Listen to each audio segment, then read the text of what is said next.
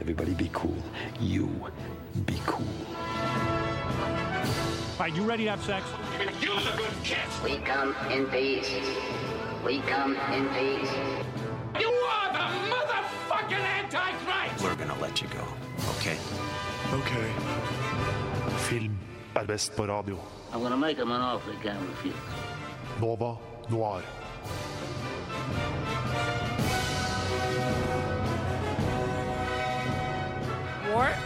The Planet of the Apes, The Wall, Victoria and Abdul, Valerian and the City of Thousand Planets, Thor Ragnarok, The Squire, Spider-Man Homecoming, Alien Covenant, American Made, Baby Driver, The Boss Baby, Captain Underpants, the first epic movie, The Dark Tower, Death Note, Dunkirk, Emoji, the movie, The Foreigner, John Wick 2, King Arthur, Kingsman, The Golden Circle, The Merowith Stories, new and selected, Mother, The Mummy, Kong, Skull Island, The Pilgrimage, Pirates of the Carib Caribbean, Caribbean, uh, Dead Men Tell No Tales, og Revenge. Hallo og velkommen til Nova Noir. Mitt navn er Taleråd, og med meg i studio i dag så har jeg Ludvig Viltil og Hanne Marie Nord. Bak spakene har vi trofaste Simon Lima, og dagens sending skal handle om kvinner både foran og bak kamera. Eh, Det du hørte der, var jo en liste eh, fra 2017s filmer som rett og slett ikke besto eh, Bechdel-testen. I dagens sending så er det det vi skal snakke om. Våre favorittdamer. Vi skal også ta en liten titt på kvinner i filmbransjen generelt.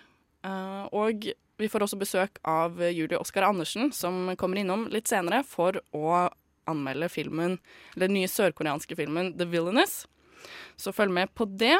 Men eh, aller først så skal vi få høre Pork Chop. Der hører Fortsatt hører vi uh, Pork Chop Lover av uh, trioen Girls. Hei, eh, Ludvig og Hanne. Hallo. Hei, Hei, god morgen. kom an. Mm. Koselig start på dagen, syns jeg, med den sangen. Litt sånn rolig, myk, fin. Fin start. Men i dag så skal vi snakke en del om kvinner på film. Jeg gleder meg veldig til det. Uh, og jeg har lyst til å bare begynne Fordi sånn, sånn som jeg begynte før sangen i stad, så hadde jeg jo en liste. Og den listen besto av uh, filmer som ikke uh, besto Bechdel-testen. Men kanskje vi bare burde begynne kjapt med en sånn recap av hva Bechdel-testen er, egentlig. Mm. Det syns jeg hadde vært lurt å begynne med, Ludvig. Ja, eh, det er en Hva kan man kalle det? En slags sånn sosiologisk test, har det vel nesten blitt, av filmer. Men den har sitt utspring i en tegneseriestripe fra 1985, som ble tegnet av Alison Bechdel, som testen er oppkalt etter. Eh, og den ble i utgangspunktet egentlig bare lagd som en slags satirisk spøk på at eh, kvinner prater eh, ikke med hverandre så mye i film. Og når de først gjør det, så prater de om menn. Så hun, hun lagde tre kriterier, da. Tre i utgangspunktet ganske simple kriterier. Som går ut på at det må være to kvinner, helst navngitte, som prater med hverandre om noe annet enn menn. Ja. Og det er overraskende få filmer, til og med siden den gang, som ikke består den. Og hun tuller jo med at siden den er fra 1985, så tuller hun i tegneseriestripen på at hun har ikke vært på kino siden Alien. og det blir jo seks år siden. Ja. Uh, men det kan fortsatt virke som at det er litt sånn. Ja, jeg syns det var en urovekkende lang liste bare fra i år. Den var eh, jo egentlig lenger også. Og det var Um, bare USA. Ja, eller altså, i all fordi- hovedsak. Ja, i all hovedsak så er det filmer som kom ut på kino i USA, og jeg leste ikke opp alle engang fordi de ikke kommer ut på kino i Norge. Så da hadde vi liksom ikke egentlig eh, kjent igjen navnene, for eksempel. Men det er jo det er ganske vanskelig eh, å så eh, bestå den testen. Um, av en eller annen grunn. Jeg skjønner liksom ikke helt egentlig hvorfor, man, hvorfor det skal være så innmari vanskelig. Men det var jo i, som du sa, i Alien som faktisk består. Fordi der er det jo eh, Ellen Ripley snakker jo med en av de andre crewmemberne, som er en dame. Om eh, noe annet enn menn, ja. For Ja. eh, der skjer det litt andre ting. Så det er liksom Men jeg føler at ofte så er kvinner i film med som bare en funksjon da, til å liksom snakke om menn. Det er liksom på en måte derfor de er der ofte. Fordi eh, Bechdel har selv sagt at eh, det handler ikke Eller hun vil ikke at det skal Det handler ikke om hvor lenge eller hvor mange kvinner det er i en film, men dybden til de eller den som er med, eh, som hun syns blir undergravet. Ja. Og det er hovedproblematikken. Ja, eh, men sånn med tanke på Alien, så skulle vel egentlig Ripley være en mann òg. Det Mm, var vel en skre- karakter skrevet skrevet for en mann. mann. Mm. Det Eh, stemmer. Så der er det jo nærmest bare flaks, da, at den passerte testen. For hvis ikke Ripley hadde vært en kvinne, så hadde vel ikke den passert. Nei, for da hadde det vel bare vært én annen dame i det crewet. Det Som, som det ofte er i Ja. sci-fi-filmer.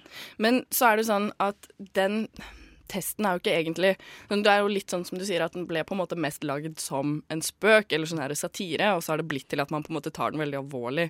Men det, det betyr jo ikke egentlig at den fungerer så godt. Altså sånn Det at en film består den testen, betyr ikke nødvendigvis at uh, kvin de kar kvinnelige karakterene som er med i filmen, uh, er gode kvinnelige karakterer, eller at de har noe særlig dybde. Altså sånn, det kan være så vidt øh, en setning om en, et yoghurtsted, eller sånne ting. Da. Bare så lenge det ikke er om en, øh, om en mann, så blir det liksom Da består testen. Da består man ikke testen, og så er karakterene ikke nødvendigvis gode av den grunn. Nei, jeg tror det er litt typisk at det er sånn å, de snakker om shopping, Ja, eller baksnakker en annen kvinne. Her har jeg sett mange eksempler på. Eller, eller jobben sin. Ja, eller jobben sin. Sånn, eh, og at andre veien også, at selv om en film ikke består te eh, testen, så betyr ikke det at eh, en kvinnelig karakter er dårlig av den grunn. Sånn Ringenes herre, for eksempel, har flere veldig gode eh, kvinnelige karakterer. Uten at den nødvendigvis består testen fordi de ikke snakker med hverandre, da, fordi de ikke er på samme sted, eksempel. Sånn, Eowyn er en veldig god kvinnelig karakter, men hun har ikke så mange andre kvinnelige karakterer å snakke med. Da. Så den for eksempel består jo ikke. Star Wars består jo ikke, selv om Leia er en veldig god karakter. Men det er jo få av de, da, så det er jo på en måte en, eh, noe å diskutere der. Da er vi litt tilbake på dybden av karakteren. Ikke sant? For det har jo mange av disse her, selv om filmen ikke består Bechdel-testen. Ja, så nødvendigvis så er det ikke egentlig en, ve en veldig god test, da. Nei, jeg føler liksom at det, det burde handle om noe mer enn bare det. Jeg føler Det er ikke nok grunn til å vurdere om en film er bra nok eller har bra nok kvinnekarakterer, fordi det, det burde Jeg syns det er helt sykt, det, at det liksom skal være kriteriet. Å ja, ja, jo, jo, jo, men det er flere kvinner med, og de snakker om noe annet enn menn. Og så er det sånn, ja, men Det er veldig Så? grunt. Den ble vel kanskje skapt, den testen, for å sette lys på noe, eller poengtere noe. Ja, Og så bare eh, sette noe, i- noe i fokus, da. Ja, og det har den jo, det har den jo greid. Selv om eh, hvis man bruker den som på en måte et eh, seriøst analyseverktøy, så er det kanskje ikke det beste. nei, kanskje at folk har tolket den litt for bokstavelig. Ja, Ja, og sitter og ser på filmen og bare ser etter det. Det blir jo sånn etter hvert, vet du. Folk, hvis du skal studere den i lys av den. mm. Men jeg tenker at eh, vi skal høre en sang, og så etter det så jeg, vil jeg at vi skal diskutere litt mer hva vår definisjon av eh, gode kvinnelige karakterer er. Men før det så skal vi få høre Boys med sangen 'Rabbits'.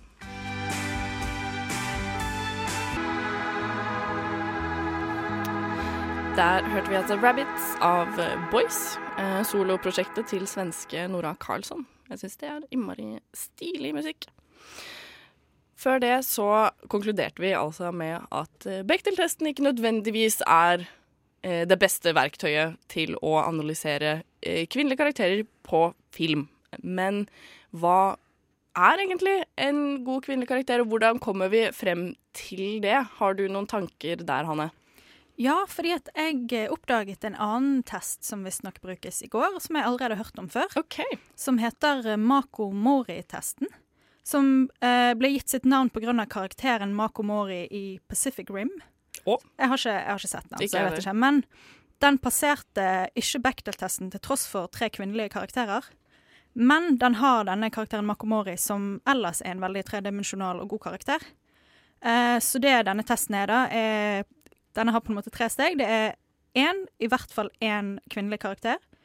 Eh, to, som har sin egen eh, narrative arc, altså egen historielinje. Og tre, at eh, den ikke handler om å liksom støtte opp under en mann sin Ja. historie, da. Så det skal være en egen liksom, utvikling i filmen som ikke har med en mann å gjøre. Sånn at eh, hun ikke fungerer som på en måte eh, Ja, en sånn, eh, et verktøy da, for ham, eller at hun blir tilf et tilskudd i historien bare som et verktøy for ham. da. Ja, nettopp. Det høres eh, egentlig mer Eller bedre ut. Ja. Mer plausibelt. Eh, jeg har sett filmen, men eh, jeg husker den som litt mer Jeg husker den som litt sånn mannsdominert. så Kanskje jeg må se den igjen. Ja, kanskje. For jeg husker, eller jeg har ikke sett den, og vet veldig lite om den. egentlig. roboter og monstre, Ja, basically. Ja. Uh, for meg så tenker jeg at Eller sånn, det som er viktig for meg da når jeg ser på en film, er uh, på en måte litt motivasjonen til de kvinnelige karakterene. At det som driver henne, ikke er uh, f.eks. oppmerksomhet fra en mann eller uh, kjærlighet eller altså sånn, Det kan jo selvfølgelig det, men det kan ikke bare være det på en måte som er motivasjonen hennes i løpet av filmen. Og at liksom, hun har en utvikling og en driv som hun får uavhengig av uh, han, da. Ja, men det er jo litt sånn som eksempel Disney-filmer har fått mye kritikk for at alle disse prinsessene og kvinnelige karakterene der, det eneste det handler om er at de skal finne den rette mannen eller sånne ting, da. Og det, det blir jo litt for dumt, for det er jo ikke bare det det handler om her i livet når man er Nei, kvinne. det er jo ikke det. Så at man på en måte har en agency som er ja, noe litt mer, da. Har litt mer dybde og litt mer hold enn det, på en måte. Um, og så syns jeg også en annen ting er ganske viktig, at, eller sånn, som jeg har funnet ut i det siste, da, ved å analysere, eller prøve i hvert fall, å analysere film, at det er ikke nødvendigvis bare det å være fysisk sterk som gjør en kvinne til en god karakter, på en måte, som jeg ofte føler blir misforstått. At sånn gode uh, karaktertrekk er ofte maskuline kar karaktertrekk, sånn som å eksempel være fysisk sterk. Ja, øh, altså, det, altså jeg blir jo mye imponert om det er kvinne eller mann, om den mentale kampen. Jeg syns det er mye mer spennende på film enn Med mindre det er sånn straight to the point actionfilm, så Ja. hand, handler de fleste filmer om en eller annen form for mental strid. Uh, og det er der jeg føler at uh, kvinner blir litt mer undergravet, Ja. siden der handler det ofte om å være forelsket, eller miste far, sånne type ting. Det støtter ofte opp mot en mann igjen, da. Ja, det er nettopp det som er at mannlige karakterer har ofte noe som har med karriere eller en personlig annen type kamp de må komme seg over, mens kvinnen er liksom 'Jeg vil ha den mannen', eller 'Å, han har forlatt meg, hvordan skal jeg komme over dette?' Og det, det, er, bare, det er ikke noe interessant. Det, det kan, jeg Før så tenkte jeg sånn at en sterk kvinnekarakter var en som er helt uavhengig av en mann. I don't need no man, den type ting. Men det er jo greit, det også. Det kan godt være noe kjærlighetselement i det, men det kan ikke være det eneste. Nei, det er litt det jeg, det jeg tenkte på i stad. Men så tenker jeg også at det er så Det virker i hvert fall som at eh, når man på en måte skriver et manus Jeg har ikke gjort det, da, men når man skriver et manus eh, og tildeler eh, karakteren sin kjønn, at eh, kvinnelige karakterer ofte er kvinnelige karakterer for, på grunn av at de er kvinner. Altså sånn at Det er derfor det er det de har å tilføye historien, er at de er en kvinne, hvis du skjønner. Det blir ikke liksom skrevet en karakter hvor eh, det kan være begge deler. Eller sånn, Ofte så er liksom hovedpersonen by default en mann, og det kunne ha vært begge, mens de kvinnelige karakterene er veldig drevet av at de er kvinner, og kunne ikke nødvendigvis bli gender-benda, da, på en måte. Ja, Men så er føler jeg ofte at eh, kvinnelige karakterer som blir sett på som sterke, og som får disse typiske mannsrollene med liksom At de er sterk fysisk eller flink til noe som typisk en mann ville vært, da. At de ofte da er følelsesløse. Mm, og kalde og sånn Ja. harde. Sånn veldig ofte eh, rollene til Michelle Rodriguez, for eksempel. Sånn, jeg føler hun er litt sånn i Lost. Eh, eh, altså hun, hun spiller i Lost. Hun er sånn nære latina og badass dame. Så hun spiller også i en av Alien-oppfølgerne, tror jeg. Jeg husker ikke, jeg ser henne veldig for meg en sånn derre kjeledress. Hun er jo ganske uh, Unnskyld. Uh, typecast, da. Ja, Eh, fordi så- at hun som er sånn Michelle barsk. Rodriguez. Ja, Og hun henger ofte med gutta. Hun er liksom én Ja, av gutta. Hun støtter kanskje ikke opp mot dem, hun er blitt en del av dem. Ja, ikke sant? Og da syns ja, hun er kul, og, men det er på grunn av den type oppførsel. Da. Ja, det er litt det at hun blir tildelt sånne maskuline eh, karaktertrekk, og da blir det ja, Hun blir liksom en del av gutta, og da er det sånn derre Da er hun kul på grunn av det, at hun egentlig basically er en mann i gåstein. Ja, men jeg syns det er så dumt, det, fordi at hva, Hvorfor er det maskulint å være Følelsesløs ja, og sånn fysisk aktiv, eller kjip liksom ofte. Så det er jo urettferdig mot gutta òg, selvfølgelig. Det er jo ikke Ja, ja, bare det det handler om. Hvor ofte ser du en veldig eh, Altså en mann med sterke følelser som gråter på film, og jeg blir like overrasket hver gang jeg ser noen grine, i hvert fall hvis de griner for noe annet enn at 'å, min mor døde', liksom. Så vi vil egentlig ha eh, gode karakterer generelt. Altså sånn, det trenger sånn gode kvinnelige karakterer bli så fordi at det har vært så mange dårlige eksempler, da, men kan det ikke bare være gode karakterer og tilfeldigvis være kvinne? At de har sin egen agency og sin egen Altså når jeg mener, eh, sier det, så mener jeg liksom eh, motivasjon eller sin egen ting å gjøre, da. Kan de ikke ha eh, mer dybde og ikke være bare et verktøy til å til drive historien? Ja. Jeg blir, det er mye følelser, men jeg må innrømme at eh, jeg er litt, eh, litt nervøs. Jeg syns det er litt sånn vanskelig å snakke om det her, fordi det er så mange å tråkke på tærne, og meg selv inkludert. Jeg vet liksom ikke helt hvordan jeg skal snakke om det alltid. Det er mange sånne fallgruver. Vi må bare tørre. Ja, jeg tror vi bare må gjøre det. Ja. Det er skikkelig Det er det. viktig tema. Og så vi kan ikke bare ikke snakke om det fordi jeg blir redd for å eh, si noe feil, liksom. Følte jeg. Det var, eh, det var min Det burde du ikke være heller. Så litt, eh, litt senere i sendingen så skal vi eh, gå mer i dybden. Prøve å finne våre favoritt, eh, favorittdamer og karakterer.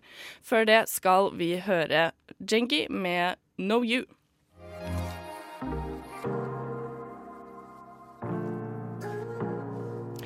Der hørte vi Jengi med Know You. Nå skal vi over til uh, å diskutere våre favorittdamer. Rettere sagt våre favorittheltinner.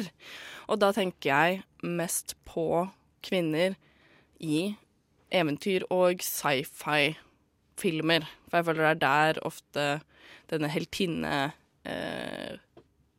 rollen kommer inn. Um, er det noen som uh, har noen eksempler å komme med?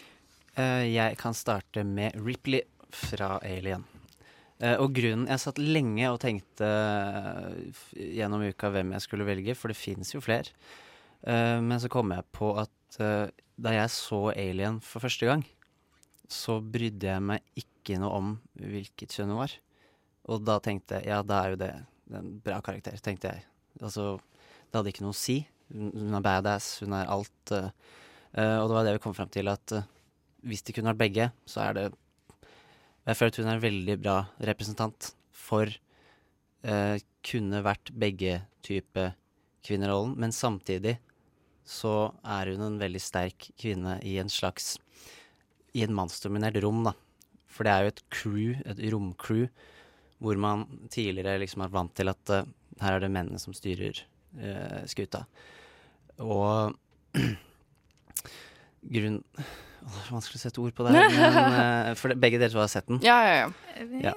Det, jeg har sett Har deler av den. Jeg tror faktisk ikke jeg har sett hele i liksom Ikke eneren eller toeren? Nei. Nei, OK. Jeg er også veldig glad i Alien, eh, og jeg er veldig glad i karakteren eh, Ripley. Og nå er det jo også sånn, litt som vi nevnte så vidt i stad, så var det sånn at Willy Scott skrev jo eh, den karakteren Eller alle karakterene, tror jeg, i det crewet. Så da han skrev manuset, så skrev han bare etternavnene til de involverte, sånn at da de eh, castingfolka skulle caste dem, så var det litt sånn opp til dem hvem de syns passet og ikke. Så um, Sigourney Weaver fikk rollen til uh, som Ripley, og det er også en annen dame i det crewet. Men ja, du, som du sier, Ludvig, så er det jo veldig mannsdominert eh, på en måte yrke, da, eller i gåstegn, men sånn astro astronaut og det rommet er jo dominert av menn. Men så får hun jo også litt sånn motstykke når det viser seg at den xenomorphen er en dame også. Det er litt, eh, det er litt gøy. Mm, det er da, men sånn her, det, det blir på en måte en parallell, så det er jo litt kult. Og en annen detalj jeg liker, eh, som man kanskje ikke tenker så mye på, men som er der, det er at hun vises på sitt litt fysisk stygge.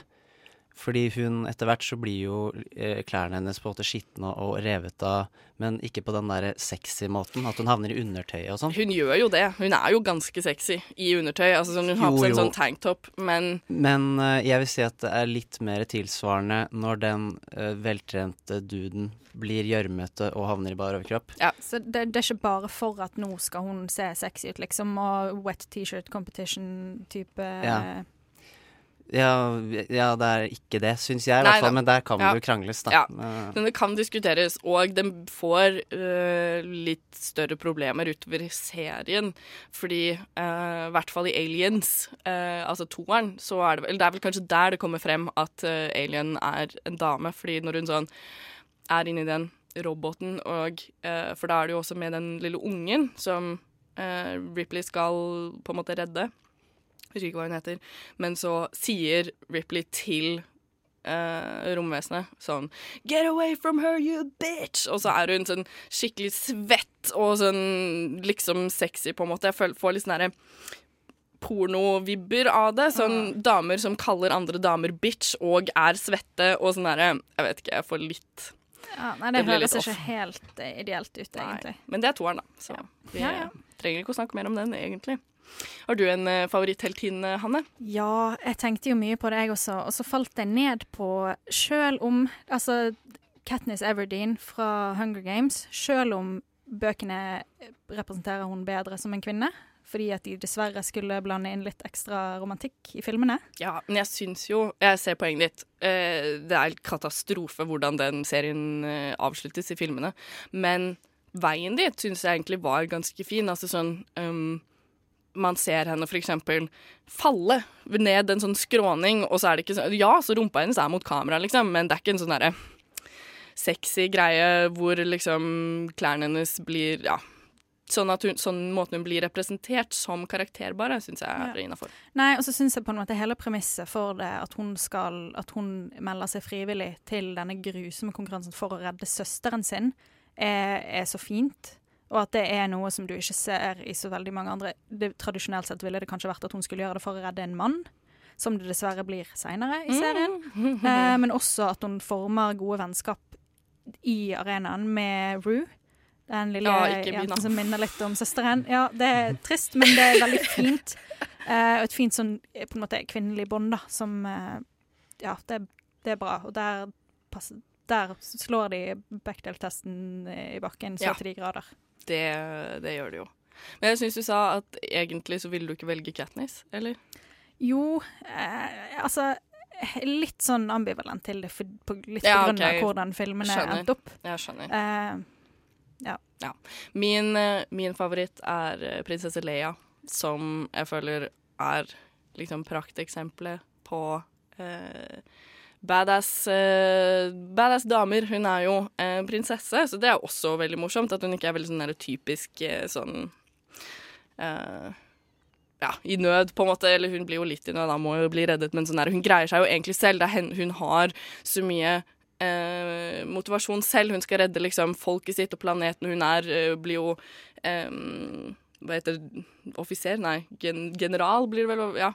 General, og liksom står foran i eh, The Rebel Alliance og har så mye ting ekstra, da. I tillegg til å på en måte være eh, prinsesse og jente og ja. Og for en utvikling hun har. Åh, ja. Fordi det begynner jo i den første filmen hvor hun kanskje er Det virker som hun er en litt sånn satt til side-karakter. ja. Og sånn Så ingen som tar henne helt alvorlig. litt spoiled og- prinsesse.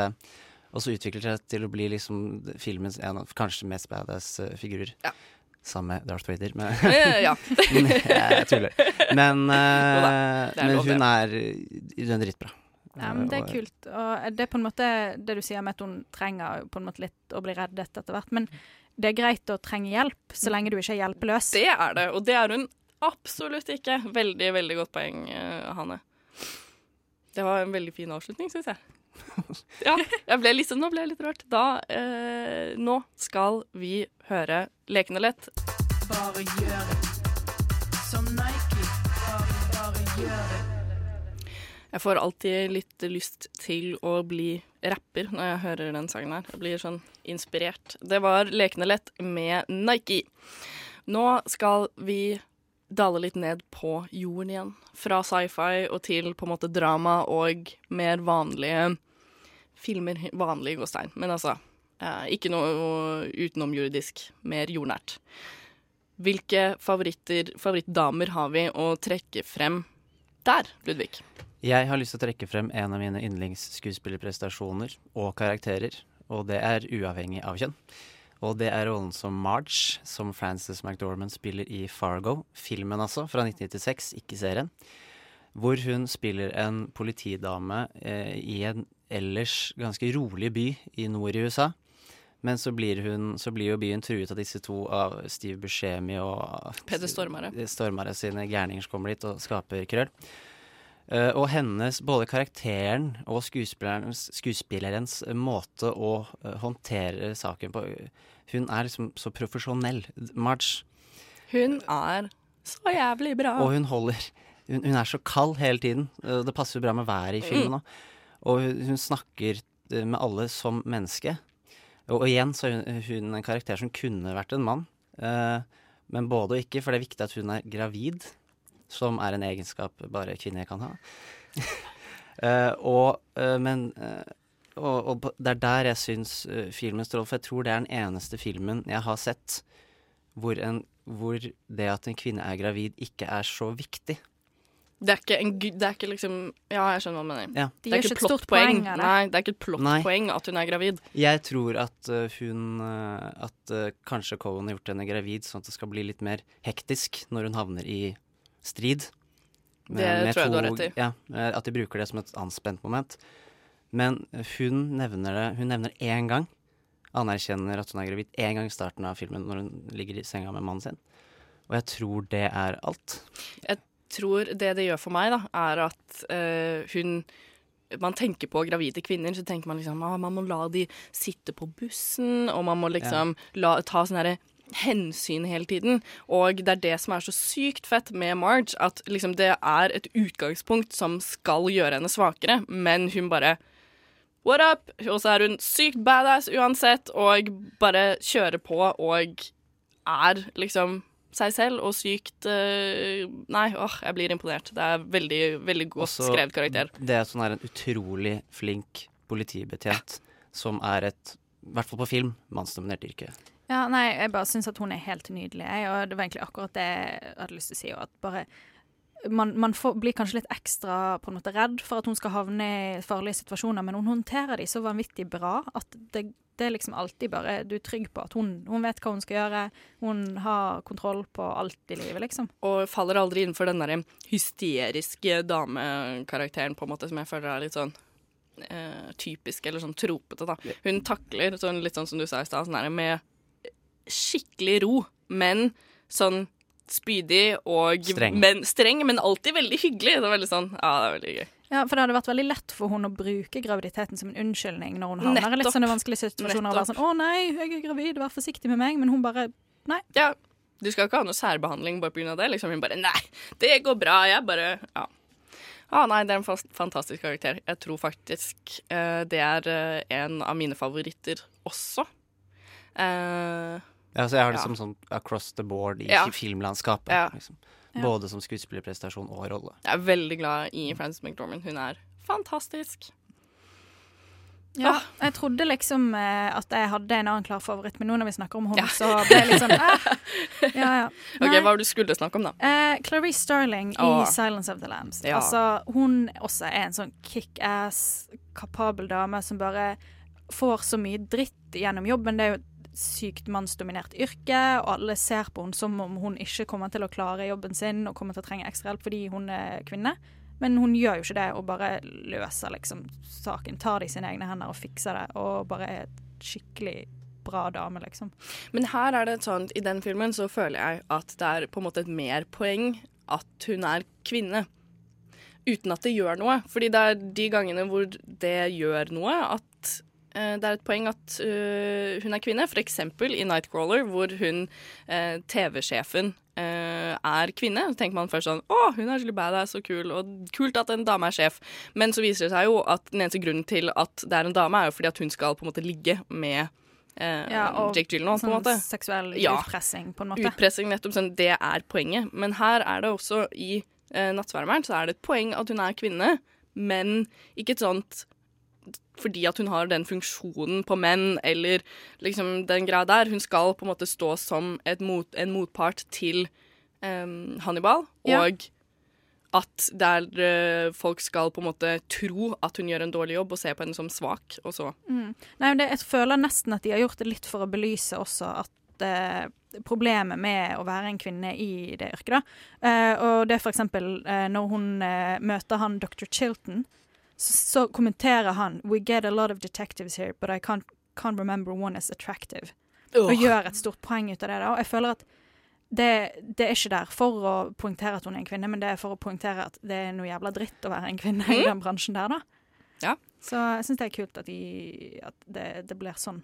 Ja, der er det jo også sånn kvinnelig Nå kommer vi jo litt inn på, på en måte kvinnelige karakterer i mannsdominerte yrker. Ludvig valgte jo også en politidame, og mm, da vil jeg bare på en måte Unnskyld. På en måte trekke frem um, hun eh, Nå står det helt stille for meg, men hovedkarakteren i The Fall, den krimserien uh, med Hva heter den igjen? Eh, Gillian Anderson. Ja, Gillian Anderson, sorry. Som også spiller i X-Files, og der spiller hun en kvinne, også i et sånn mannsdominert yrke. Og ja, der spiller hun en kvinne, var det jeg sa. What? det ble litt uh, munnfull her, sorry. Men eh, ja, at det er badass damer eh, som politi og eh, hele den greia der. Det er så innmari kult. Og det er, The Fall er i hvert fall noe eh, du burde se hvis ikke du har sett det. Bare Ja, nevne det. det. Hun, jeg bare ble så glad av at hun var så kul. Hun er så badass.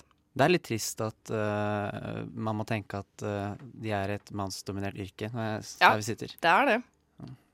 Man kan fort bare Jeg hadde tenkt å nevne det litt i stad, men Juno, for eksempel. Mm. Der er vi litt mer, enda mer på jorda. Sånn high school-setting.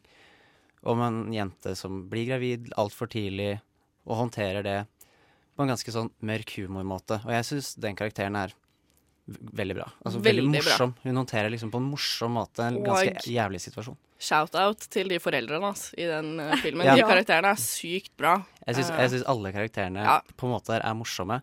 På, enten på en drittsekkmåte eller på en bra måte. Ja. Liksom. Jeg syns det er en sjarmerende film. Juno er en film proppfull av gode karakterer. Punktum. Selv om de er kvinner eller ikke. Nå skal vi høre Ali X med Bitch.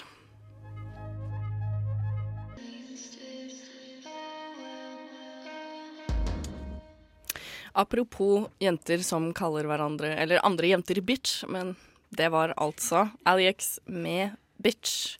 Nå har vi kommet eh, til et punkt hvor vi må snakke om eh, elefanten i rommet, føler jeg litt at det er. Fordi eh, kvinner på film blir som oftest Altså mange kvinner på film blir eh, Eller nei, nå mener jeg det er en sånn fallgruve. Jeg er sånn redd for å snakke. men ikke- er ikke vær redd. nei, Bare okay. kjør på. Ja. Men som oftest, da, så er det i filmer der det er veldig mange kvinner i samme rom, eksempel, så er det romantiske komedier. Og der er det også ekstremt mange eksempler på dårlige kvinnelige karakterer. Noe som er ekstremt merkelig, fordi her snakker vi altså da om eh, menn som skriver filmer, romantiske filmer, for damer, om damer på en dårlig måte, og så blir de dårlige karakterer, føler jeg ofte er det som skjer. Selv om de er skrevet av kvinner, så Ja. er det ikke det nødvendigvis bra heller. Nei, det er veldig sant. Men jeg føler at liksom Ja.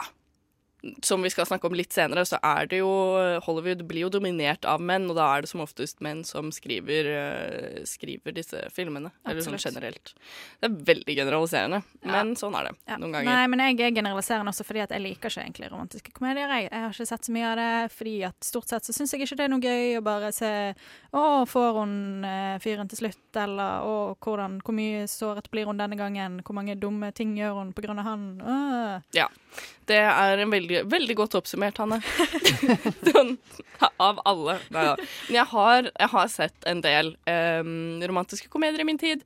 Noen er bedre enn andre, an noen er ekstremt dårlige, og jeg ser de som oftest, eh, i hvert fall nå, så ser jeg de som oftest eh, når jeg er fyllesyk og trenger å bare sånn herre ikke tenke, liksom. Uh, Du vil ha de overfladiske karakterene, rett og litt Ja, det. er litt det noen ganger så er det litt digg òg. Selv om det ikke egentlig er så bra. Men jeg må innrømme at det er litt guilty, men lik, det er mange romantiske komedier jeg liker, til tross for at karakter, eh, de kvinnelige karakterene er ganske dårlige. For eksempel eh, Vi kan jo begynne da med How to lose a guy in 10 days. Huff.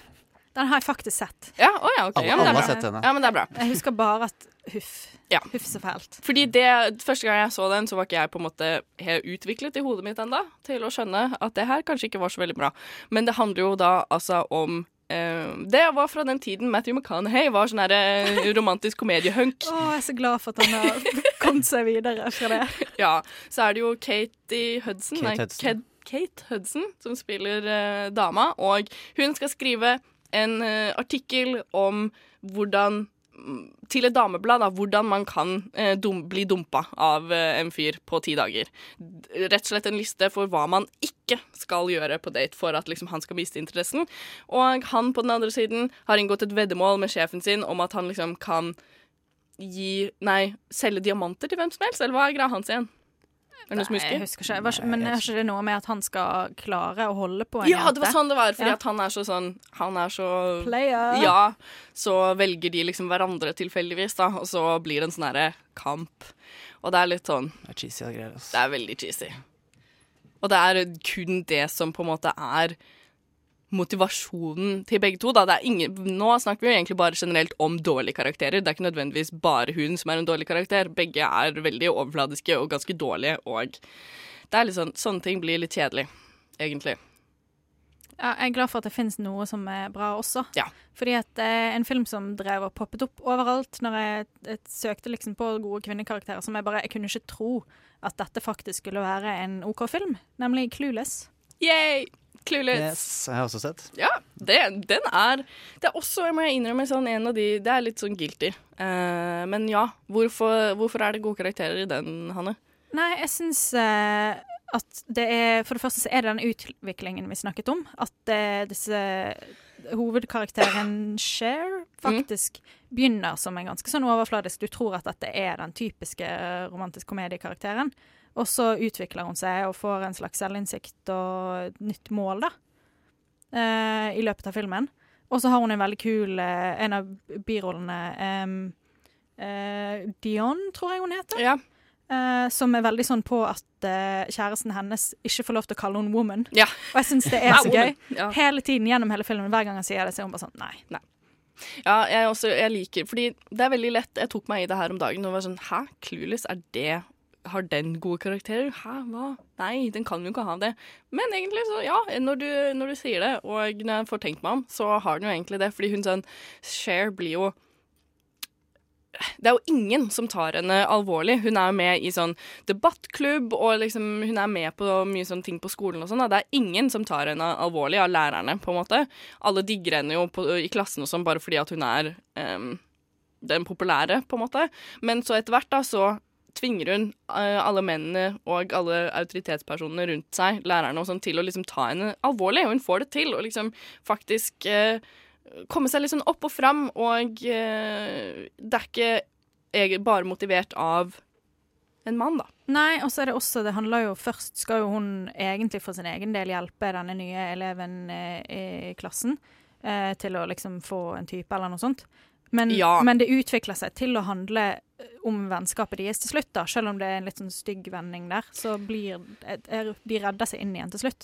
For det er, det er jo noe problematisk ved den, og jeg er veldig, veldig lite glad i sånn her ugly duckling, sånn um, forvandlingsmontasjer og sånn, hvor noen får en makeover, er litt sånn veldig ofte dårlig, uh, dårlig Jeg motivert. merker da. det altfor lenge siden jeg har sett Clues. Kanskje jeg må gjøre det igjen. Ja, jeg synes For det. jeg tenkte det samme som deg, Ja. Tale. At uh, jeg tenkte ikke på at det var noe bra figurer. Jeg husker ikke hva slags kontekst jeg så den heller. Men kan jeg dra fram en film? Gjør det. Det er kanskje og Nå vet jeg ikke om jeg har tråkket på tær eller ikke, men Amelie, Ja. den franske Har noen av dere sett den? Jeg har faktisk ikke det. Nei, Jeg- den er nydelig. Jeg, jeg liker den karakteren veldig godt. Hvis vi bare kan prate om henne vi må bare ha det. Hun, skal jo, hun chaser jo en mann, og hun har litt stalker-tendenser. Men grunnen til at det, har, at det er en respektabel karakter, er fordi at hun har liksom bestemt seg for at det er noe hun vil ha. Ikke sant? Og han vet jo ikke dette her. Han er, en ganske, han er mer en slags brikke. Hvis man, kan, man blir ikke kjent med han før helt på slutten av filmen. Uh, og hvis du bare tar bort de der stalkeraktige tendensene hennes, så har hun jo veldig mange egne meninger. Hun er litt vimsete, men hun gjør det hun vil, til syvende og sist. Ja, det Eh, og det, det er derfor uh, jeg ville bare dra fram den litt sånn. Ja, fordi nei, jeg syns det er en veldig bra film. Ja, uh, og hun er en Så hun er en Jeg hater å bruke ordet søtt, men jeg husker jeg syntes hun var så søtt da jeg så filmen på ungdomsskolen. Ja, Og ble litt sånn småforelska i den karakteren. Og så Ja, hvorfor kan ikke hun stalke meg? Sånn type, Å, det er gøy. Du, Ja, men det kan jo hende at det er noen som gjør det, Ludvig. Du bare vet ikke det før til slutten av filmen. Nei, hun sitter oppå taket rundt Hun, oss. sånn hun, hun hører på nå, Ludvig. Det går bra. Det går bra. Oi, OK. Da ble det sentimentalt der. Nå uh, må vi høre en sang. Nå skal vi få høre Ayel med 'Issues'. Now, if any of you sons of bitches got anything else to say, now's the fucking time! Nova Noir sier ikke annet enn det som er verdt å si om film. I Før det så uh, hørte vi Ayel med 'Issues'. Uh, og ja, før sangen så snakket vi om kvinner portrettert i romantiske komedier, og hvordan det kan ofte være problematisk. Og uh, her, den lille lydsnutten som vi hørte der, var jo da ikke fra en romantisk komedie i det hele tatt. Det var jo fra Kill, hentet fra Kill Bill. Eh, der hørte vi jo Beatrix Kiddo, eller eh, Uma Thurman, være sykt badass og kul i en actionfilm. jeg tror det var hun eh, japanske oh, ja, for, eh, ja, det var det jo. Jeg bare Oren mm, Kill Bill, og så gadd jeg ikke å tenke mer. Det var, det var sånn Takk, Ludvig. Det var sånn det var. Oren Ishii heter hun vel. Ja, OK. Nå um, ble jeg litt satt ut og flau, så Det går bra. Takk for den. uh, greia var i hvert fall at vi skulle snakke om actionfilmer! Og kvinner portrettert i den, dem er jo uh, litt uh, merkelig ofte. Sånn her, Kill Bill er jo et eksempel på uh, hvordan man kan gjøre det. Sette en kvinne i hovedrollen, og hun er sånn sykt badass, og det går fint. Selv om hun har maskuline eh, karaktertrekk, så er ikke det alt hun er. Hun er også mor, hun er også eh, ekskjæreste. Hun, er, eh, hun er så mye, da. Hennes karakter. Hun er et menneske. Hun er et menneske, nettopp. Eh, men som oftest da, så ser vi jo eh, kvinner i actionfilmer mer som en sånn type sexy lampe. Som er en trope hvor kvinner egentlig ikke har noe å si for handlingen eller drivet i historien. Du kunne like gjerne byttet dem ut med en sexy lampe uten at det hadde gjort noe forskjell for filmen, eller for plottet. Litt typ sånn Bond-jenter. Ja, så det, ofte må de redde, sant. Så det du, kanskje du kunne byttet ut med en lampe av gull, da, for å liksom noe- Tilgi dem noe- litt verdi. Ja, ikke Ja. sant. At det, de, de står bare der og trenger å bli reddet. Sånn som en premie, liksom, som du vinner og får. Det, det er et godt poeng. Ja. Men uh, kan jeg komme med et eksempel på en karakter som er litt i grenseland der? Gjør det. Fordi at uh, en av mine genuin favorittfilmer er Die Hard. Ja. Eh, det er faktisk ikke en Ja, guilty faktisk. pleasure Nei, det er greit. Eh, og der er jo konen til eh, John McClain, Holly Gennaro, som faktisk beholder sitt peaknavn. Eh, kudos til hun. Eh, hun trenger jo å reddes. Hun blir jo tatt av terrorister og alt det der. Men tingen er at hun er ikke bare hjelpeløs heller. Og hun er faktisk en ganske ressurssterk karakter. Hun forhandler med terroristene for å hjelpe en gravid kvinne, eh, sånn at hun får legge seg ned. Eh, og hun forhandler med terroristene sånn om på en måte kan vi komme oss ut herfra, prøver å hjelpe til da. Og det er greit, altså hun er på ingen måte eh, den beste kvinnelige karakteren i en actionfilm eller sånn, men jeg bare syns at det, det gjør faktisk noe bra der, da, med at hun er ikke bare hjelpeløs. Ja, for hun kjøper vel litt tid til John McLean? Hun kjøper tid, og, eh, og, og så når all på en måte hun er, hun er aldri noen fysisk trussel før etter at faren er over, og så slår hun til en journalist på slutten. Og jeg bare syns det er litt kult òg, at da, på en måte, da har hun fått nok. Eh, Men det, ja, altså, og det som på en måte gjør at hun, føler jeg da, får den muligheten til å på en måte forhandle med terror terroristene og bli det derre mellomleddet mellom dem og de andre gislene, er vel kanskje at hun er kona til John McClain, at han er politimann, og derfor så vet hun litt mer kanskje om hvordan man skal Ja. snakke med trusler, Ja, håndtere så- sånne ting. Jeg Hun vet er ikke. jo en forretningskvinne også, da. Mm. Og eh, ressurssterk, intelligent kvinne, sånn at det er en del av premisset til å begynne med. Som, Det er eh, lenge siden jeg har sett den, jeg må innrømme det. Eh, Kan jeg bare prate litt om actionfilmer i kvinneperspektiv generelt?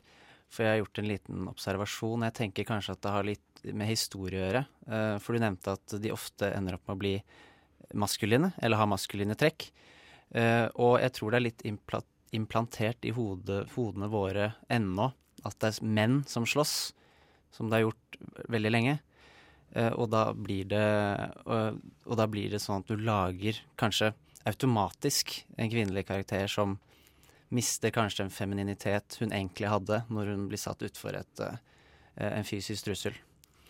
Det er i hvert fall mine to cent med hvorfor det er kanskje vanskelig å skrive en tredimensjonal kvinne Ja, og så føler jeg at de gangene, med få unntak, jeg vil si at Kill Bill er et unntak, men de gangene man setter kvinner i hovedrollen i actionfilmer, blir det litt sånn å, se på oss, vi eh, har en kvinne i hovedrollen, vi er spesielle, se på hun, se så kul hun er. At det blir liksom en sånn type ting, da. At de gjør det fordi hun er kvinne. Ja, det blir Ja. jo Det her blir en sånn derre sirkel, føler jeg. Jeg blir ikke helt klok.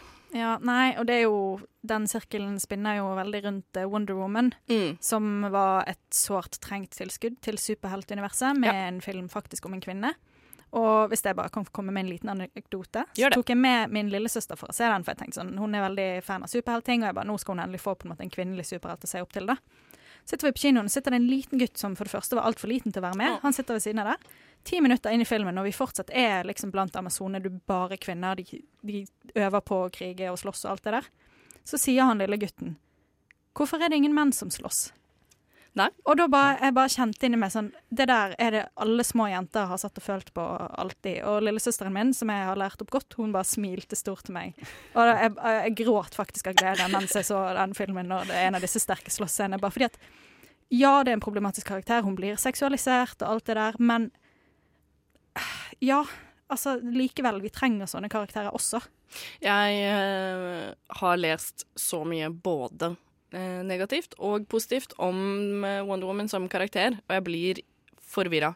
Jeg greier ikke helt å bestemme meg hva jeg syns, eh, for samtidig som jeg reagerer på antrekkene og eh, mennenes kommentarer om henne, på, til henne, sånne ting, da, under film, underveis i filmen, så blir jeg også veldig glad av f.eks. måten de bruker kroppen hennes på, da, som en, et verktøy, som et våpen. At hun har lår som er sterke, og det er muskler, og hun, altså, hun har jo pisk, og det er jo veldig sjelden kanskje med en faktisk knyttneve at hun slår, men altså sånn man ser at hun bruker kroppen sin da, og den styrken hun har. Nå er det jo fordi hun er amazone, på en måte, men jeg syns det, det er fint at man ser på en måte Selvfølgelig, hun ser jo bra ut. Det blir, det blir en sånn sirkel Ja, igjen. det- men det eh, ja, jeg virkelig- snakker meg litt sånn der bort, men at de bruker kroppen hennes som uh, på den måten, da. Man ser hun er sterk, og at hun har muskler, og det er liksom, hun er feminin samtidig. Ja. Jeg, er jeg syns den er vanskelig å snakke om. Det er kanskje den vanskeligste sjangeren å snakke om, syns jeg. Um, Superhelt, ja, nei, ja. nei actionfilm. Oh, ja, sånn, angående, angående Mm. kjønnsroller. Det er det jo. Det er vanskelig. Men vi skal ikke påta oss å løse alle problemene i Hollywood her, tror jeg. Det, det Nei, det, Det får holde for mye for oss. at vi snakker litt om det og eh, prøver å tenke litt over det. Kanskje få dere der hjemme til å tenke litt over sånne ting. At ikke man tar alle tingene for gitt, da. Det er i hvert fall mitt mål. Nå skal vi høre en sang, men eh, ja, ikke før det. Etter det så kommer, får vi besøk i studio. Da kommer Julie Oskar Andersen for å anmelde The Villainous. Men før det så hører vi Marie Løvaas med Alt he si tid.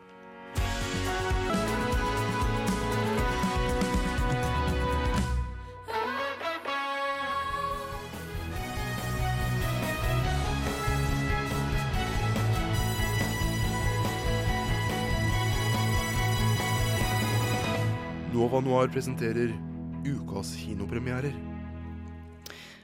Før det så hørte vi altså Marie Løvaas med Alt he si tid. Nå har vi fått eh, besøk i studio. Nå, hei, Julie. Hallo, hallo, hei. hallo. Eh, du skal eh, snakke litt med oss om The Villainous. Ja. Det er en, en ny sørkoreansk film. Riktig. Actionfilm. Actionfilm. Så eh, det har jeg ganske lite peiling på. Jeg har sett veldig lite sørkoreansk film. Uh, så min plan da er å gi eh, stafettpinnen til Ludvig, uh, sånn at han tar ansvaret nå. Ja, skal du si Vær Men så er god. det ikke jeg som bare skal anmelde filmen, da? stikken. Jo da. Jo, OK. Jeg skal bli intervjuer, rett og slett. Ja. Ja, for jeg, jeg har sett litt sørkoreansk Ja, film så det var og interesserer var, meg, men uh, denne her vet jeg ingenting Eller jeg vet litt om den, men uh, hva handler den om? Jeg vet faktisk enda mer enn deg, Ludvig. jeg for jeg har sett filmen. OK. Filmen uh, handler om Soki som banker Eller det starter med at hun banker et helt dopkartell og finner seg selv fanget på en merkelig institusjon.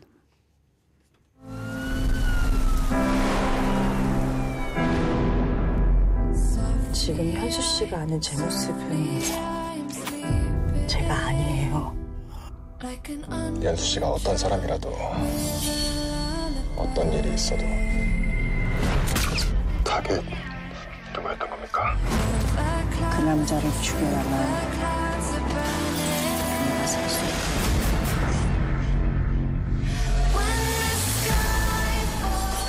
만약 그렇다면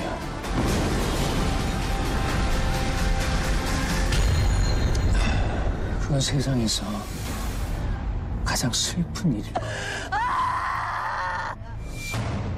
Jeg tror kanskje jeg skal forklare litt plottet nærmere, jeg, for jeg vet ikke helt om dere skjønte så mye ut. Det skjer, fra høres den ut som det skjer traileren. mye på en gang her. Det skjer mye på en gang. OK. Så em, åpningsscenen var kjempebra. Sånn, jeg satte meg ned i stolen, forventet ikke så mye. Jeg visste at det var en actionfilm. Jeg visste at Sør-Korea har en tendens til å lage bra actionfilm. Uh, Ref. Oldboy, for eksempel. Eh, og hele den første scenen er det er en illusjon om at det er én lang tagning. Jeg regner jo med at de har fått litt sånn filmtrikshjelp, eh, og at det ikke er det, men det føltes veldig bra. Og alt er fra point of view, som betyr at publikum ser det hovedpersonen ser. Så du vet ikke Du er litt usikker i starten om det er en mann eller dame, og så får du små hint om at det er en dame, og så får du til slutt se hvordan hun ser ut, og liksom det er en veldig kul overgang, og det var bare Det var veldig stilig. En veldig stilfull film. Eh, jeg nevnte jo Oldboy, som er kanskje den beste sørkoreanske filmen jeg har sett, i hvert fall, sammen med The Handmaiden. Jeg vet ikke om Ludvig er enig i det, men Eh, begge to er top notch. ja, Altså. det, er, det, ja, det var kanskje litt urettferdig av meg å like dem så godt, og så gå og se denne. For det, det er ikke det nivået. Det er jo moderne klassikere, vil jeg påstå. Men eh, nok om det, da. Det er en film. det er en actionfilm. Det er en del action. Men jeg vil si den sliter litt av toneskiftet. Fordi det er like mye drama som det er action. Og så dramatisk drama skal du lete lenge etter. Det er K-drama, eller koreanske dramaserier, har en tendens til å være litt overkompliserte og litt Litt absurd, nesten, Ja, på for- hvor dramatisk de blir. Asiatiske filmer generelt føler jeg har en helt annen psykologi. Mest, for, mest sannsynlig fordi de har en annen psykologi. Ja. Og da blir jo filmene naturligvis annerledes. Eh, og du merker det her. Veldig. Veldig. Eh, det veksler mellom superintense, godt regisserte actionfilmer og litt sånn Scener. Hva, hva sa jeg? Filmer. Å ja. Var- Nei, scener er jo helt riktig. Herregud. Det går fra ve- velregisserte actionscener til noe platte dramascener som ikke helt klarer å overbevise meg om den, eh, det emosjonelle det står om, da. For det står om ganske mye. For Soki, som jeg sa, våkner opp i en merkelig institusjon. Eh, og skjønner ikke helt hvor hun er, og det viser seg at hun er gravid. Og eh, hun blir overbevist om å jobbe for denne organisasjonen da, for å få et eh, normalt liv med barnet sitt i den andre enden når hun er ferdig med treningene og oppdragene sine. Så hun lover dem på en måte ti år. Når hun har gitt dem det, da skal hun få lov til å være i fred og leve et normalt liv. Du gir inntrykk av at uh, plottet ikke er høydepunktet i filmen her. Det er, det er bare for mye plott. Det er, det er De burde Jeg vet ikke. Det er liksom som om du har ti ideer, og alle er sånn Ja, så gjør vi det og det og det og det. Og det Og det er så mange elementer som de bestemte seg for å beholde. Og så sa du at den var stilisert. Prøver du Nei, prøver du å si eh, Tror du de prøvde å kjøpe seg vekk fra kanskje et litt svakt plott med god teknikk? Jeg vet ikke egentlig om de tenkte at det var et svakt plott. For jeg vil ikke si at plott i seg selv er svakt. Ja, det- det, bare er for mye som Er det de ville skulle skje. Veldig melodramatisk.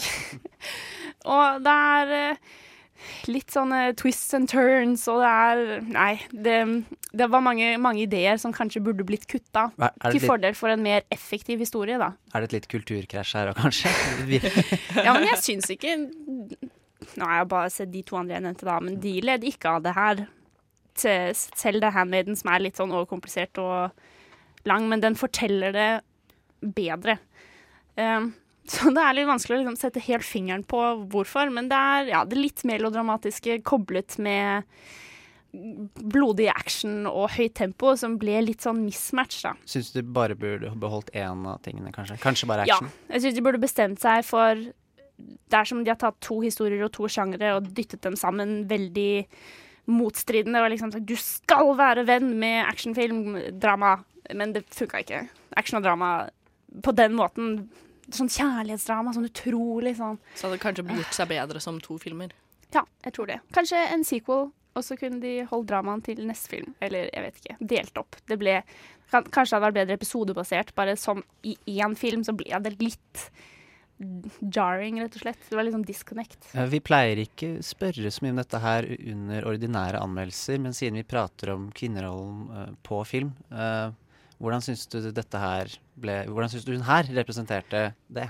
Det er Jeg har litt blandede følelser, uten å på en måte røpe for mye om plott. Men det er mange sånne virkemidler som jeg kanskje ikke er helt fan av.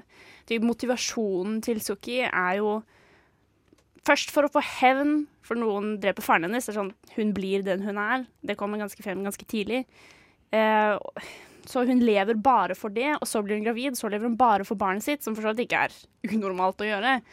Men liksom, lev for deg selv, da. Vær din egen eh, person, motivasjon. Jeg vet ikke. Du er ikke bare mor, du er mer enn det, på en måte. Det ble Ja, det at hun fikk barn, var litt sånn pådratt, nesten. Så, ja, hun, må, hun må liksom jobbe for noen hele tiden. Ja. Ja. Og mye ja, men Jeg vil ikke røpe for mye om plottet. Så nå, du, Nei, da det er litt vanskelig å snakke om det uten å, uten å si det. Men uh, hun er fysisk kapabel og kompetent som Hva var hun seksualisert, eksempel? Nei, det vil jeg for så vidt ikke si hva hun var. Men nå er jo kanskje det forskjell fra hvordan Korea seksualiserer sine kvinner og ikke. For det er veldig sånn moderlig og vil være perfekt eh, brud og liksom lage mat. Og det er litt sånn fokus på det i den institusjonen, for de skal vel lære å bli undercover-agenter, på en måte. Så det er sånn matlaging og sminke, og hun får plastisk operasjon for å bli penere og sånn. Så det er litt sånne Det er jo faktisk et, eh, det er et sånn folkeproblem i Korea. da. Nemlig. kvinner som tar nemlig. Så jeg tror det er en litt Kanskje hun er seksualisert på en kulturell et kulturelt plan. Det Så kanskje noe vi sånn ikke ville regne med det. Men ja, mye melodramatisk, på en måte. Men det var jo for så vidt bare en morsom, underholdende film å se på. Så hva er eh, konsensus? Konsensus hos meg alene, Mm, -hmm. kun meg. Julies konsensus? Eh, så vil jeg si at det er en fornøyelig film. Vil kanskje appellere til mange. Den er ikke for fjern fordi den er fra Sør-Korea. Jeg tror mange kunne sett den og tenkt det var ikke bortkastet. Så jeg vil gi den en eh, seks av ti. Så verdt å få med seg. Men ikke forvent Oldboy. Det var ganske klar, jeg vil, Siden hun ble gravid sånn, så tenker jeg at det var noen klare paralleller til Kill Bill. Og med den gangscenen, selv om de filmet det på en veldig annen måte, at det var litt hint til Oldboy òg, da. Men ikke heng deg for mye opp i det. Så går det bra. Mm. Da fikk vi det tallet. Ja, det gjorde vi. Back to you. sitter og observerer og Nei, jeg syns det hørtes veldig gøy ut. Jeg tror jeg kommer til å se den. Ja, det er bra. Jeg fikk lyst til å se jeg. Den er, den er bra. Så Kanskje vi skal det. gå sammen. Ja. Kos. Nå får vi høre Erika Badu med And On.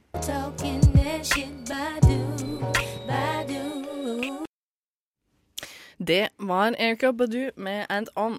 Ja, nå skal vi over til eh, kvinnene som eh, befinner seg bak eh, kamera. De ordentlige kvinnene, faktisk. Hva mener du? De, Eh, de ikke, kar ikke, karak ikke, karak ikke karakterene. Det kom veldig feil ut. Ikke karakterene. Ja, det, de eh, flesh and blood, yeah. ordentlige damene eh, bak, eh, bak kamera. Så regissører, manusforfattere, klippere er vel kanskje et yrke som har mange kvinner i Hollywood. Vet ikke jeg. Hanne, har Ja. du peiling? Nei, altså det er jo litt dystre statistikker. Eh, nå har jeg noen tall fra 2015 her, som viser at det var under 1% kvinnelige komponister. Oh, herregud. Eh, 11,8 kvinnelige manusforfattere. 22 eh, produsenter. Og 7,5% regissører. Hvis man tenker på hvor mange filmer som kvernes ut på et år fra Hollywood, eh, så er ikke det imponerende mange kvinner med der. Nei, det var skummelt lave, lave tall. Mm. Det bare, oi, det sank litt sånn inn. Jeg var ikke egentlig klar Det er veldig annerledes å på en måte få tallene sånn håndfast. Eh, Men det overrasker meg ikke. Nei, det gjør fordi det ikke. jeg må ærlig innrømme at eh, når, hvis det er for eksempel store utgivelser, spesielt i sånne i regi, regi og mye klipping og sånn, på Oscarene eksempel, så merker jeg skammelig nok når det er kvinner som kommer opp på scenen Oi, det var gøy at en kvinne vant. bare, Bare, bare, bare det at jeg tenker det, viser at det er Stas. altfor få. Ja. Ja, men det sier jo litt også når eh, Fordi at den første kvinnelige regissøren de fleste kommer på, er jo Catherine Biglow. Ja. Og hun var den første kvinnen til å vinne Best Director Oscar for uh, Oscar. Oscar. Og det var ikke uh, så lenge siden. Nei, det var i 2008. Ja. Hæ? Første kvinnelige regissør. Og Hva med Sofia Coppola? Nei, så vidt uh, okay, hun har kanskje ikke vunnet for for hun har manus? vunnet for manus. Manus, ja. OK, så dette var beste regi. Mm. Fordi at Sofia Coppola, som for øvrig veldig ofte, dessverre, bare blir nevnt som eh, eh, Francis Ford Coppola ja, sin datter. Ikke sant. Eh, hun har jo vunnet Jeg tror hun har vunnet to Oscar for manus. eh, for Lost in Translation. Å, er det hun som har Eh, skrevet det? Ja. Det visste jeg faktisk ikke. Og Jeg lurer på om det bare er det. Suicides. Jeg er ikke sikker. Jeg trodde det bare var den Hun, ene. jeg tror i hvert fall hun har vært Ja. anmeldt flere ganger, da. Anmeldt. Nominert. Nominert. Anmeldt! Ja. Jeg, jeg leste ordet eh, an, anmeldt på arket. Hun har blitt anmeldt, så Hun fikk gode anmeldelser. Um, ja, ja. Men var ikke res eh, regissøren eh, til eh, Wonder Woman også Kathleen Hva heter hun? Jeg fikk uh, Jernteppe. Uh, Ja. Men ja, det For det er jo også litt av grunnen til at ble Eller at den filmen ble litt sånn omstridt, da, på en måte. At, og jo, hun var jo også den første kvinnelige regissøren som Nei, jeg tror ikke den var Bigelow, hvis det er det du Nei, nei, det er ikke Nei, å ja, det er hun som heter Kathleen. Å ja. Ja, ja, jeg blanda. Men hun som har regissert uh, Wonder Woman, var på en måte den første kvinnelige regissøren til å få highest grossing eh, Altså mest penger etter premierehelgen eller noe sånt. Da. Patty Jenkins heter hun selvfølgelig. Men etter premierehelgen da til, eh, til One Woman så tjente de mest eh, penger. Ja. Hun er vel den mest inntjenende kvinnelige regissøren per dags dato. Ja. Var det ikke det som var greia? Jo, det er vel det som Og bare det at det ble en sånn kjempenyhet. ja. Lange artikler og Ja, det var ikke måte på. Ja. Det er også, det er også et tegn på at eh, det er noe At det er sk- skjevfordelinger. Ja, absolutt. Nei, men du, Tale, du nevnte jo eh, klipper eh, før, og den mest kjente der er jo kanskje Sally Menke, som klippet en god del av Tarantino sine filmer. Alt fra Reservoir Dogs, Pop Fiction, Jackie Brown, Kill Bill og Glorious Bastards. Så Veldig bra jobba. døde hun dessverre i 2010 eller 2012, Ja. så hun har jo ikke klippet Eller da kunne ikke hun klippe de mer, men Nei, men, bare eh, sånn fordi vi ikke har snakket så mye om det. Jeg bare skyte i natt. Uh, Tarantino er jo veldig flink til å portrettere gode kvinner, eller ha gode kvinnekarakterer, da. Kanskje fordi at han har mange gode kvinner rundt seg, og det tror jeg også Eller virker sånn at han har mange Uh, gode vennskap med kvinner og sånt. Ja, og det. altså, det sies jo at filmen er blitt til tre ganger, og den, når den skrives, når den regisseres, og når den klippes. Så det kan jo ha noe med at uh, det var en kvinne som sto for det, da. Men jeg har en til uh, som jeg også har lyst til å trekke frem. Nora Ephron, manusforfatter, også regi. Eh, mest kjent for romantiske komedier, faktisk. Ok, Hvilke da har du Eh, 'Sleepless in Seattle' oh, ja. fra 93. Har jeg faktisk ikke sett. Det er litt sånn pile of shame, tror jeg. Altfor lenge siden. Ja, 'You've Got Mail'. 'When Harry Met Sally'. Hey, Eh, den den siste hun eh, skrev og regisserte før hun døde, var 'Julie and Julia'. Å, den er så 2009. fin! Den er jeg veldig glad i. Er det om hun derre kokke... Ja, altså ja. sånn Hva er det hun het? Ja. Ja, Julia Child. Child, Ja. selvfølgelig. Ja, med Meryl Streep og um, Amy Amy, Adams. Adams. Ja. Min uh, favoritt, hvis jeg kan komme med det, hvis det passer nå Uh, Hvis jeg får lov til å være til, så er min favoritt uh, både Altså, det er en av favorittskrekkfilmene mine. Og egentlig nesten filmene generelt, som er regissert av Jennifer Kent. Det er The Babadook. Jennifer Kent har regien på den, og der er det veldig gode kvinnelige kar Eller hun hoved, hovedpersonen der da, er en veldig god kvinnelig eh, karakter. Som jeg syns er verdt å trekke frem. Det syns jeg er gøy. Ja, Babadook er jo noe av det skumleste jeg har sett. nesten. Jeg har- jeg har ikke turt å se den. det, Jeg ble så- altså, den, den er ganske heavy, altså. Jeg visste faktisk ikke Jeg hadde ikke noe navn på regien. Nei, da vet du det nå. Jeg føler litt at jeg avbrøt deg, eh, Nei, Hanna. Jeg nei, beklager. absolutt ikke. Um, jeg har skrevet ned noen flere på ark også, fordi at uh, du skal huske når den første Twilight-filmen kom. Ja. Da fikk den mye kritikk fordi at å, vi kan se at det er en kvinne som har regissert denne filmen fordi at menn er så kjekke og avkledde hele tiden, men kvinnene ser ikke så bra ut. Jo, jeg husker at det var en debatt. ja, jeg tror på det. Um, og Men sånn, det jo ikke, virker jo ikke logisk i det hele tatt. Altså sånn, snu den setningen omvendt. Nei, ja. Ja, sant. Jeg bare syns at det var ganske spesielt. Eh, men det er altså Catherine Hardwick som har regissert den, og hun har også Siste store tingen var den Red Riding Hood fra 2011. Ja, den også var katastrofe dårlig. så- Sånn, hun er en veldig dårlig uh, regissør. Ja, sånn, det, det, det, har det, har ikke noe med at hun er kvinne. Det var Nei. det som var poenget mitt. Ja. At det var sikkert uh, med rette at Twilight fikk kritikk, uh, åpenbart, eh, og Red Riding Hood, men problemet var at folk trakk inn at å, det er fordi at hun er kvinne. Ja. Men sånn, det er jo ikke det vi prøver å gjøre her heller. Da. Bare si det sånn Å, kvinner er så sykt mye bedre menn. Det er absolutt ikke det. Jeg vil bare Ja. Det er eh, ikke poenget, og hun er en eh, De filmene er veldig dårlige. Det er ganske Det er sånn Det er bare, dårlig. Ja. Ja, så det har eh, Alt har jo veldig mye å si, da. De hadde vel kanskje et dårlig utgangspunkt også. Ja. Det, Det, det jeg, er tror, sant. jeg tror ikke at en uh, veldig dyktig mannlig regissør kunne gjort Twilight så mye bedre. Nei, det, det tror jeg du har rett i. Så det ble ikke så veldig mye bedre heller når de bytta, fordi hun Det er jo ikke hun som har regien på de andre. Nei. Så det ble jo ikke så veldig mye bedre etter at de ga jobben til noen andre Eh, heller. Det ble jo bare dårligere og dårligere. det gjorde jo det. Jeg ble litt sånn paff da jeg begynte å tenke på de eh, filmene der. Nå uh, skal vi høre Tuva Band med 'Trees'.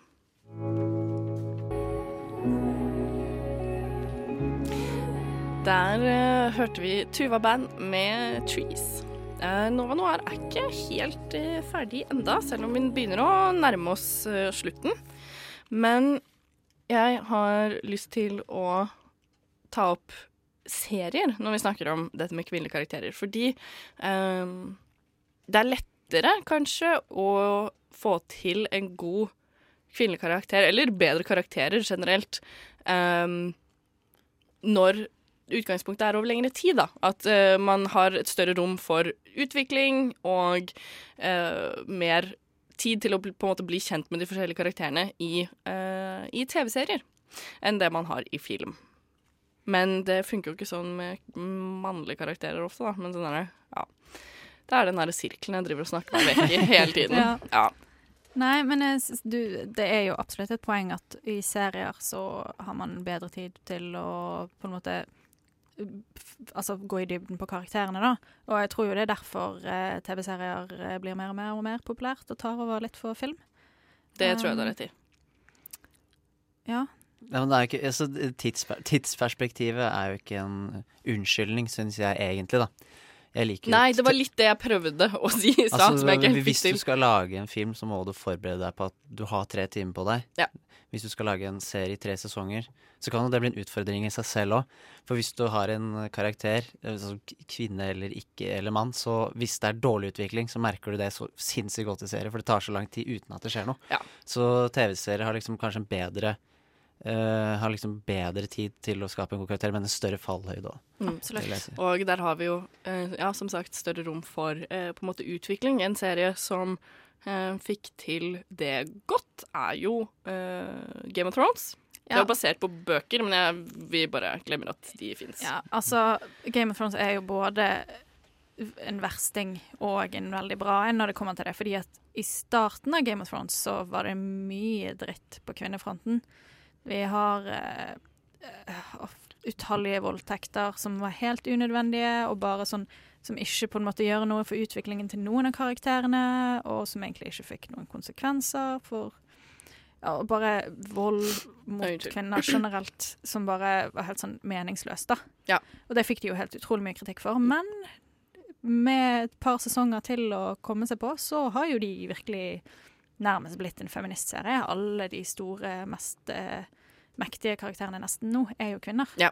Selv om man liker de eller ikke, og det syns jeg er gøy. Jeg syns det er morsomt med eh, dynamiske karakterer. Sånn ja, gode karakterer generelt er gøy. Og når det er Fordi man heier jo på en måte litt sånn åpenbart på Daenerys, kanskje. Og hun har jo vært en av de karakterene som har utviklet seg mest. Altså Hun begynte som en sånn derre veldig sånn svak øh, Visste ikke helt hvor hun skulle, hva hun skulle gjøre, hørte bare på broren sin. Øh, til å utvikle seg til å bli liksom øh, en veldig sterk kvinnelig karakter. Ja, hun får hjelp, men hallo, herregud, hun skal jo ta over hele verden. Selvfølgelig trenger hun, trenger hun eh, hjelp av folk, liksom, og få litt innspill her og der. Men sånn, hun vet hva hun vil, og gjør det, på en måte. Hun har gått fra å bli helt styrt av andre til Mm. å styre de andre. Eh, kort oppsummert. Ja. Eh, Så det er, det er veldig gøy. Eh, men også sånn, jeg liker jo, selv om jeg ikke liker eh, hun eh, Oi, nå er det lenge siden jeg har sett på Game of Thrones, merker jeg. men altså, The Queen Mother, hva er det hun heter? Cersei. Ja, Cersei. Sånn, jeg liker jo ikke henne som karakter, men sånn, jeg liker henne jo for det. Altså, sånn der, jeg syns det er morsomt med sånne slemme Slemme folk, egentlig. Slemme Ja, damer. og hun har jo utviklet seg til å bare bli slemmere og slemmere, og, og det synes jeg gøy. enda mer sånn gå fra på en måte Og hun har vel alltid gjort som hun vil, men hun bare tar seg enda mer til rette, da. Altså, hun har jo veldig mye å tape. Det er jo kanskje det uh, Daenerys på en måte ikke egentlig har. Hun har jo dragene sine og sånn, men mm, Cersei er jo en veldig dynamisk karakter. Uh, hun er mor, hun er, har vært dronning og liksom vil, vil ting, og har vært kone og mor. Og liksom, hun er en dynamisk karakter, føler jeg, som har mm, flere Eller som henter uh, motivasjon fra flere steder, og har på en måte hevnlyst, og hun gjør jo, som du sa, hun har jo alltid gjort som hun vil. Ja. Og jeg syns det er Og hun, interessant. hun er en av de eh, karakterene som også poengterer forskjellen på å være en kvinne og en mann i Mm. Game of Thrones-universet.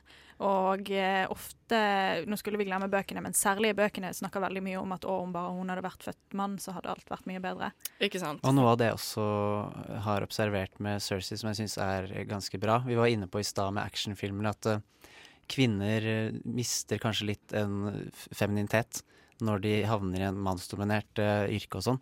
Cersei har beholdt uh, femininiteten som hun, som hun hadde i utgangspunktet. Ja. Allikevel eh, blitt så mye mer mektigere. Mm. Uh, og det syns jeg er superviktig. Selv om hun på en måte klippet uh, håret sitt og sånn, som jeg føler er veldig sånn herre Tegn på uh, av femininitet, da. Ja. Det Ja, det er typisk. Ja.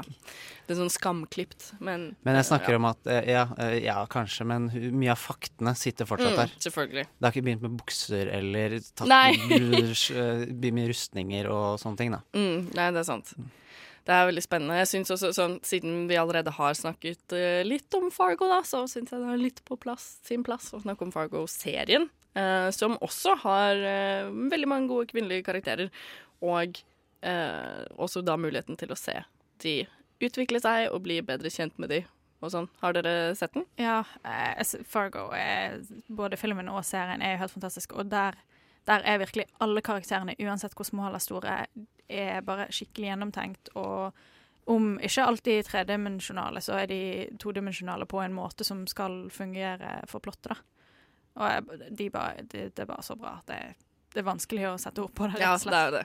Så nevnte vi jo også The Fall i stad, som jeg også vil anbefale alle å se. Det blir jo ja, litt eh, Vi har litt kort tid på oss til å liksom snakke om serier. Bulter til bulter, ja. Ja. Men det er, det er mye vi kunne ha snakket om også. Plass til en eh, Det her er jo tema for eh, sikkert fem sendinger til, eller noe Ja, sånt. minst. kunne vært, hvis vi hadde hatt lyst. Vi har fått brukt noen caser, i hvert fall. Ja, det syns jeg. Um, nå skal vi få høre Janelle Monet med Cold War.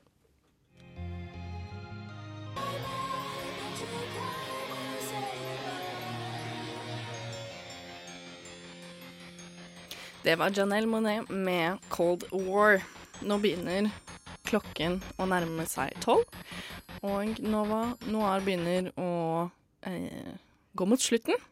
I denne sendingen her så har vi prøvd å orientere oss litt eh, i dette kaoset som er kjønnsroller og film, og eh, portrettering av kvinner på film, og gode og dårlige karakterer, og egentlig litt av alt. Det var en munnfull. Ja, vi har hatt mye å snakke om, og som nevnt kunne vi snakket om mye mer. For Ja. eksempel tenker jeg at det er jo nå når vi begynner å få mer fokus på kvinner i film generelt, så begynner det jo også å komme et sånt eh, eh, spørsmål om etnisitet Mm, eh, som er kommer med inn i bildet, og at det er forskjell på å bare ha masse hvite Mm. båndpiker eh, ruslende omkring, og ha faktisk litt mer eh, diverse Yep. cast. Det ja, er sant. jeg har merka hvor uh, mye reddere jeg var enn som jeg trodde jeg skulle være når jeg kom inn i den sendingen her, eh, at, å tråkke på andre tær. Altså. Jeg, har vært, jeg har gått veldig forsiktig. Løsna litt opp. Jeg Ja. følte jeg fikk sagt Følte jeg var ærlig, følte jeg fikk sagt det jeg ville på den bra. tiden vi hadde, da. Ja, det er bra. Men jeg føler at det viktige er vel egentlig å ikke være så innmari redd, og bare hoppe litt ut i det, og og ja. Man blir jo ikke, man blir jo ikke mer smartere av å holde kjeft, liksom. Så det, det er nå så.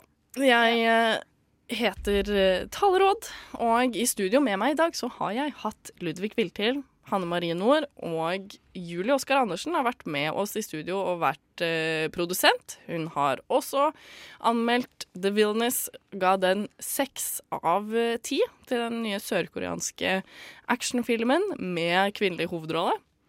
Simon Lima har vært eh, produsent, tekniker i studio. Og vi har, som sagt, snakket om kvinner. Vi kunne ha gjort det lenge. Eh, jeg tror, jeg håper at det kanskje hjelper eh, oss også å ha litt større fokus på det videre, da. Apropos videre, så vil jeg invitere alle dere som hører på, til å komme til Chateau på mandag. Da er det 4. desember, og vi skal ha utesending på, i Glassbaren, heter det, på Chateau Neuf sammen med Cinema Neuf, som har visning eh, etterpå. Vi begynner showet halv sju. Sjekk eh, Facebook-eventet. De Det er skal Hjemme alene Ja, de skal vise Hjemme alene. Vi skal snakke om uh, julefilmer. Det er da bare passende, det. Så kom og se på det. Da blir vi veldig glad. Ta på en skikkelig stygg julegenser og kom. det Ja, det vil jeg anbefale. Drikk litt gløgg og ha litt rødvin i den og Bare- smugle inn. Ja ja, gjør det. Nå er det lov å få julestemning, Ja. liksom.